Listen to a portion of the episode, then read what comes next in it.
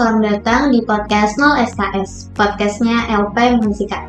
Apa kabar nih Sobat 0 SKS? Semoga kabar baik ya. Di episode kali ini, kita akan membahas tentang AI dalam segmen seputar dunia viral. Nah, seperti yang kita tahu, akhir-akhir ini tuh perkembangan teknologi dan AI itu semakin pesat ya, dan juga memberikan pengaruh besar dalam kehidupan kita.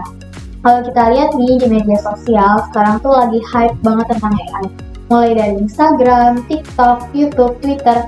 Pasti kalau kita buka, sering banget nih muncul pembahasan hal ini.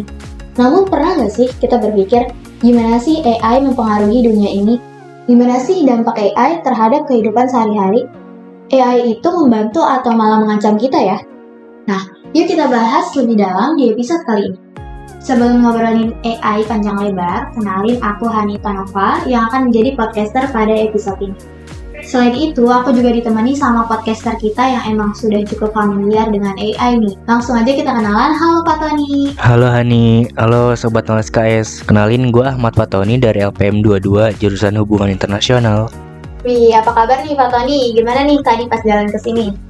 Alhamdulillah Hani baik-baik aja dan di jalan juga lancar-lancar aja. Kalau lu sendiri gimana Hani? Alhamdulillah kabar baik juga. Betul nih ya, tadi gue sempat nelpon lu tapi kok nggak diangkat sih? Gue kira HP lu nonaktif loh. Oh iya, gue baru lihat ada telepon masuk nih. Sorry banget ya, tadi nggak sempet jawab karena gue lagi matiin data seluler. Jadi nggak bisa connect WhatsApp deh. Oh gitu. Betulnya nih ya kalau dipikir-pikir HP zaman sekarang tuh kalau telepon udah nggak harus pakai pulsa nggak sih? Jadi udah bisa tuh pakai data, bisa pakai aplikasi kayak WhatsApp, Telegram gitu ya. Jadi nggak harus selalu nerima telepon dari HP langsung gitu ya. Nah iya nih Hani betul banget. Kalau kita ingat zaman dulu ya Di mana HP itu cuma bisa nerima telepon dan SMS dari satu sumber aja gitu. Kayak misal dari provider kayak XL dan Telkomsel aja gitu kan. Nah tapi semenjak eranya Blackberry ya Perlahan-lahan tuh kayak SMS mulai ketinggalan zaman gak sih? Kayak soalnya tuh kita bisa kirim pesan tanpa pulsa tan Tapi digantinya pakai kuota gitu. Dan itu menurut gue satu hal yang cukup revolusioner di eranya gitu. Gimana menurut lo Hani? Iya sih, betul banget. Kalau dulu kan kita apa-apa harus pakai pulsa ya. Bahkan tuh kalau diingat-ingat SMS dulu tuh ada yang dikenakan pulsa sesuai dengan banyaknya huruf gitu ya. Jadi kita SMS pun harus sedikit-sedikit gitu biar pulsanya makan banyak gitu. Sekarang apa-apa udah bisa pakai kota dan itu membantu banget sih. Dulu juga keluarga gue sempat sih punya HP BlackBerry dan itu menurut gue eksklusif banget, keren banget di zaman itu. Tapi kalau ingat lagi, sekarang udah ngerasa kayak biasa aja sih karena HP juga udah semakin berkembang, teknologi juga udah semakin berkembang gitu ya. Di HP juga sekarang kan ada OS, ada iOS, terus juga kita bisa install aplikasi yang bagus-bagus banget gitu kayak tadi WhatsApp, Instagram, Twitter dan lain-lain. Terus juga gratis gitu di HP. Jadi semua orang tuh udah bisa pakai fitur yang mungkin aja 10 tahun yang lalu tuh belum ada gitu atau beberapa tahun yang lalu tuh masih dianggap premium banget gitu ya gak sih? Betul banget Hani. Nah iya BTW ngomongin soal teknologi nih ya. Nah, kita tahu nggak sih kalau misalnya sekarang itu udah ada yang namanya AI gitu. Sobat No SKS ini tahu nggak apa itu AI? AI itu adalah Artificial Intelligence atau kecerdasan buatan yang lagi ramai banget nih dibahas. Kalau misalnya kita ingat zaman dulu ya, di mana AI itu bisa dibilang masih terbatas lah, atau bisa dibilang masih belum dikenal secara masyarakat luas. Nah namun kalau misalnya lu lihat di zaman sekarang ya, AI itu udah mulai bisa berkembang banget loh. Bahkan kita udah bisa nikmatinya di laptop kita masing-masing, bahkan bisa sampai ke HP loh loh. Nah kalau bisa lu lihat aja sekarang itu ya di eranya smartphone ini kita bisa nikmatin AI sekelas ChatGPT yang lagi banyak dibahas banyak orang dan ya surveinya membuktikan kalau mereka tuh lumayan terbantu sama yang namanya AI ini gitu. Jadi kita mestinya bersyukur banget nih sama pelopor AI kita yaitu Bapak Geoffrey Hinton. Itu gimana menurut lu Hani? Ya bener banget sih kita harus bersyukur banget ya ada pelopor AI. Jadi AI-nya tuh semakin berkembang gitu sampai sekarang. Sekarang juga AI kayak ChatGPT itu kan kayak hype banget ya sekarang dan emang mahasiswa sering banget pakai buat kebutuhan kuliahnya. Kalau lu sendiri nih sering pakai AI apa aja sih Pak? Hmm, kalau gue ya sering pakai AI kayak mungkin chat GPT ya. Nah, fungsinya tuh kayak buat kayak ngerangkum atau buat semacam ya cerita-cerita pendek gitulah kayak seru aja gitu pakai chat GPT terus juga gue sering pakai untuk uh, kebutuhan parafrase parafrasein paragraf kalimat dan segala macamnya gitu. Nah selain itu ya gue juga pakai yang namanya AI website tentang parafrase online gitu. Nah di sini gunanya buat uh, parafrasein kalimat untuk makalah Eh, tugas-tugas uh, gue yang sekiranya memang butuh parafrase gitu. Jadi ini menurut gue AI ini sangat-sangat membantu untuk me memudahkan pekerjaan mahasiswa gitu. Dan gak cuma mahasiswa aja sih sebenarnya cakupannya lumayan luas ya hampir ke seluruh masyarakat. Kalau lu sendiri sering pakai chat apa untuk apa aja nih? Kalau dari gue sendiri sih sama sih ya. Mungkin kalau dari urusan mahasiswa sering banget bolak-balik ke chat GPT karena kan itu ngebantu banget ya. Sekarang udah bisa apa-apa gitu ya. Emang sih AI itu sekarang ngebantu banget buat kehidupan sehari-hari. Nah ngomong-ngomong seputar dunia viral, selain chat GPT sama para frase online yang udah kita bahas tadi, menurut lo tuh apalagi sih AI yang sekarang lagi hype banget Wah ini seru nih. Kalau misalnya gue bahas ya yang lagi hype sekarang banget Contohnya tuh kayak face swapping gitu Hani. Nah di mana kalau misalnya kita bisa apa namanya merekam orang dulu kan untuk ngebuat suatu video. Nah tapi dengan adanya AI ini kita nggak perlu ngerekam orang asli gitu. Kita cuma tinggal uh, ngebuat orang dengan AI aja gitu. Jadi kita misalnya ngebuat Presiden Jokowi dengan Pak Presiden Putin untuk nyanyi bareng gitu atau nari bareng gitu. Menurut gue itu seru banget sih. Dan tapi ini menurut gue juga ada bahayanya sih. Kayak ini bisa ngebuat fitnah gitu. Karena kalau misalnya kita ngebuat AI Nah, Pak Presiden Putin menyatakan perang dengan Amerika Serikat gitu. Padahal Pak Presiden Putinnya sendiri tuh nggak pernah bilang ya, beliau menyatakan perang gitu. Jadi menurut gue itu cukup ada pro dan kontranya sih. Nah, kalau menurut lu sendiri gimana nih Hani soal face swapping ini?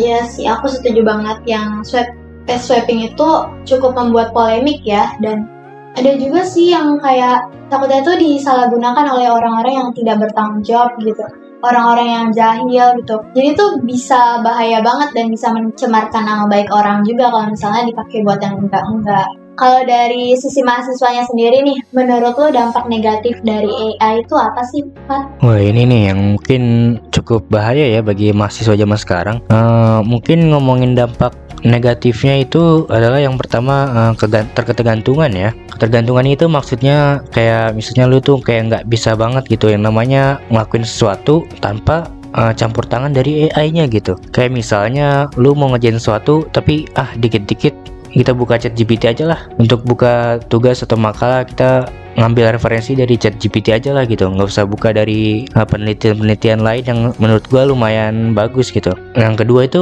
ada kaitannya nih sama yang ketergantungan yaitu berkurang banget berkurangnya kualitas berpikir pada mahasiswa gitu. Di mana kan mahasiswa tuh harusnya bisa berpikir secara kritis aktif dan ya bisa dibilang cukup kreatif lah. Tapi dengan adanya AI ini mahasiswa tuh udah mulai apa ya malas untuk mengasah otaknya gitu. Betul betul. Nah ibarat kata kayak pisau kalau misalnya nggak diasah tuh kita pakai terus tapi nggak diasah lama kelamaan bakal tumpul gitu. Nah ini jadi kalau misalnya kita terlalu ngandelin yang namanya AI gitu pola pikir manusia itu bakal lama kelamaan akan semakin menurun gitu kan. Terus yang ketiga ya mengurangi lowongan pekerjaan. Nah ini yang udah sering banget dibahas dan jadi pro kontra di media sosial tuh. Yaitu di mana robot-robot mulai menggantikan pekerjaan manusia. Nah kayak di Jepang ini ya di mana ada drone yang bisa mengantar paket gitu Hani. Jadi kita nggak usah eh, nyewa kurir lagi gitu. Nah sehingga ini bisa menghemat untuk perusahaan bisa menghemat budget dan ya menambah banyak profit gitu. Gimana menurut lo Hani? Iya sih betul banget dan menurut gue yang paling uh, scary gitu ya yang ini sih lowongan pekerjaan sih karena kan kita sebagai mahasiswa tuh nanti niatnya lulus tuh kan nyari pekerjaan ya tapi Betul. dengan adanya AI yang bisa aja dia tuh lebih pintar dari kita jadi kita merasa terancam nih lowongan pekerjaan kita diambil sama si AI itu bahkan ada perkiraan kalau misalnya ekonomi-ekonomi juga bisa digantikan oleh AI gitu ya. Jadi dampak AI ini juga harus diperhatikan ya teman-teman.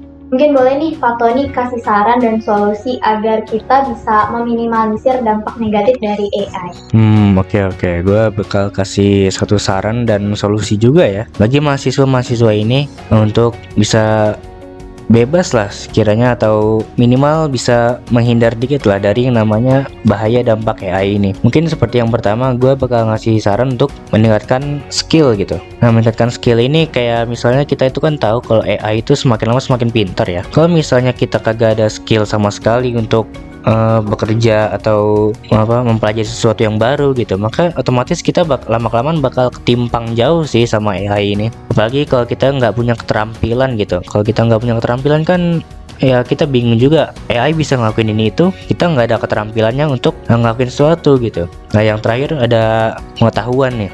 Kalau kita kita harus banget nih mahasiswa untuk meningkatkan pengetahuan kita. Karena seperti yang gue bilang tadi chat GPT itu bener-bener keren banget bisa ngebuat sesuatu dengan mudah dengan hitungan detik gitu. Kalau misalnya kita nggak hati-hati dengan apa yang dikasih jet chat yang informasi yang diberikan oleh chat GPT kepada kita gitu, asal kita terima aja tanpa kita tahu itu benar atau tidak, itu kan bisa misinformasi dan berbahaya gitu ya. Apalagi chat GPT ini yang gue masih lihat ya, dia tuh ilmu pengetahuannya masih sampai tahun 2021 no bulan November gitu. Jadi menurut gue masih terbatas banget. Nah untuk solusinya mungkin dari untuk mahasiswa ya kita bisa banget tuh membatasi penggunaan teknologi dan pemanfaatan AI yang sekiranya nggak berlebihan gitu. Nah di sini maksud gue adalah kita tuh bisa pakai AI tapi sebatas membantu pekerjaan manusia aja nggak lebih dari itu. Jadi jadi ya di mana produsen-produsen AI tersebut ya mulai mikir juga oh iya manusia sekarang udah mulai bisa ini itu. Mungkin kita bisa pakai untuk membantu aja gitu. Nggak untuk uh, menggantikan pekerjaan manusia sepenuhnya gitu. Karena tahu lah dampak negatifnya bagi masa depan kita juga gitu. Seperti yang dibilang oleh Elon Musk ya. Nah Elon Musk ini seorang pendiri dari SpaceX. Beliau menyatakan jika AI ini nggak diatur atau dikendalikan segera maka kecerdasan buatan akan menjadi diktator abadi gitu di muka bumi Iya bener banget. Nah kalau misalnya hal itu terjadi Maka udah nggak ada jalan keluar lagi bagi manusia Begitu kata Elon Musk. Jadi mungkin AI ini tuh ada dampak positif juga ada dampak negatifnya gitu ya. Jadi kita nggak bisa hmm. nganggap sepenuhnya AI itu positif atau sepenuhnya juga negatif Karena ada berbagai pandangan gitu ya. Betul. Minusnya juga. Nah, gimana nih menurut teman-teman sobat pers mahasiswa ini? Teman-teman lebih cenderung menganggap AI dan teknologi ini ke arah positif atau negatif nih? Mungkin teman-teman punya berbagai persepsi yang berbeda ya akan hal ini. Nah, seru banget sih pembahasan tadi. Mungkin cukup segitu aja kali ya. Itu pembahasan kita mengenai gimana sih AI mempengaruhi kehidupan kita. Nah, dalam dunia yang semakin berkembang dan berubah dengan cepat, AI ini dapat memberikan banyak manfaat bagi mahasiswa. Contohnya meningkatkan efisiensi, pengalaman belajar, dan pengembangan keterampilan. Namun, penting juga nih bagi mahasiswa untuk memahami resiko dan mempelajari cara penggunaan AI dengan bijak. Terima kasih sudah mendengarkan podcast Bincang AI kali ini. Jangan lupa untuk tetap update dengan perkembangan terbaru seputar dunia viral, dan selalu berpikir kritis dalam menghadapi informasi yang kita terima. Sampai jumpa di episode selanjutnya. Saya Hani Tanapa. Dan saya Ahmad Fatoni. Pamit undur diri. Dadah. Dadah.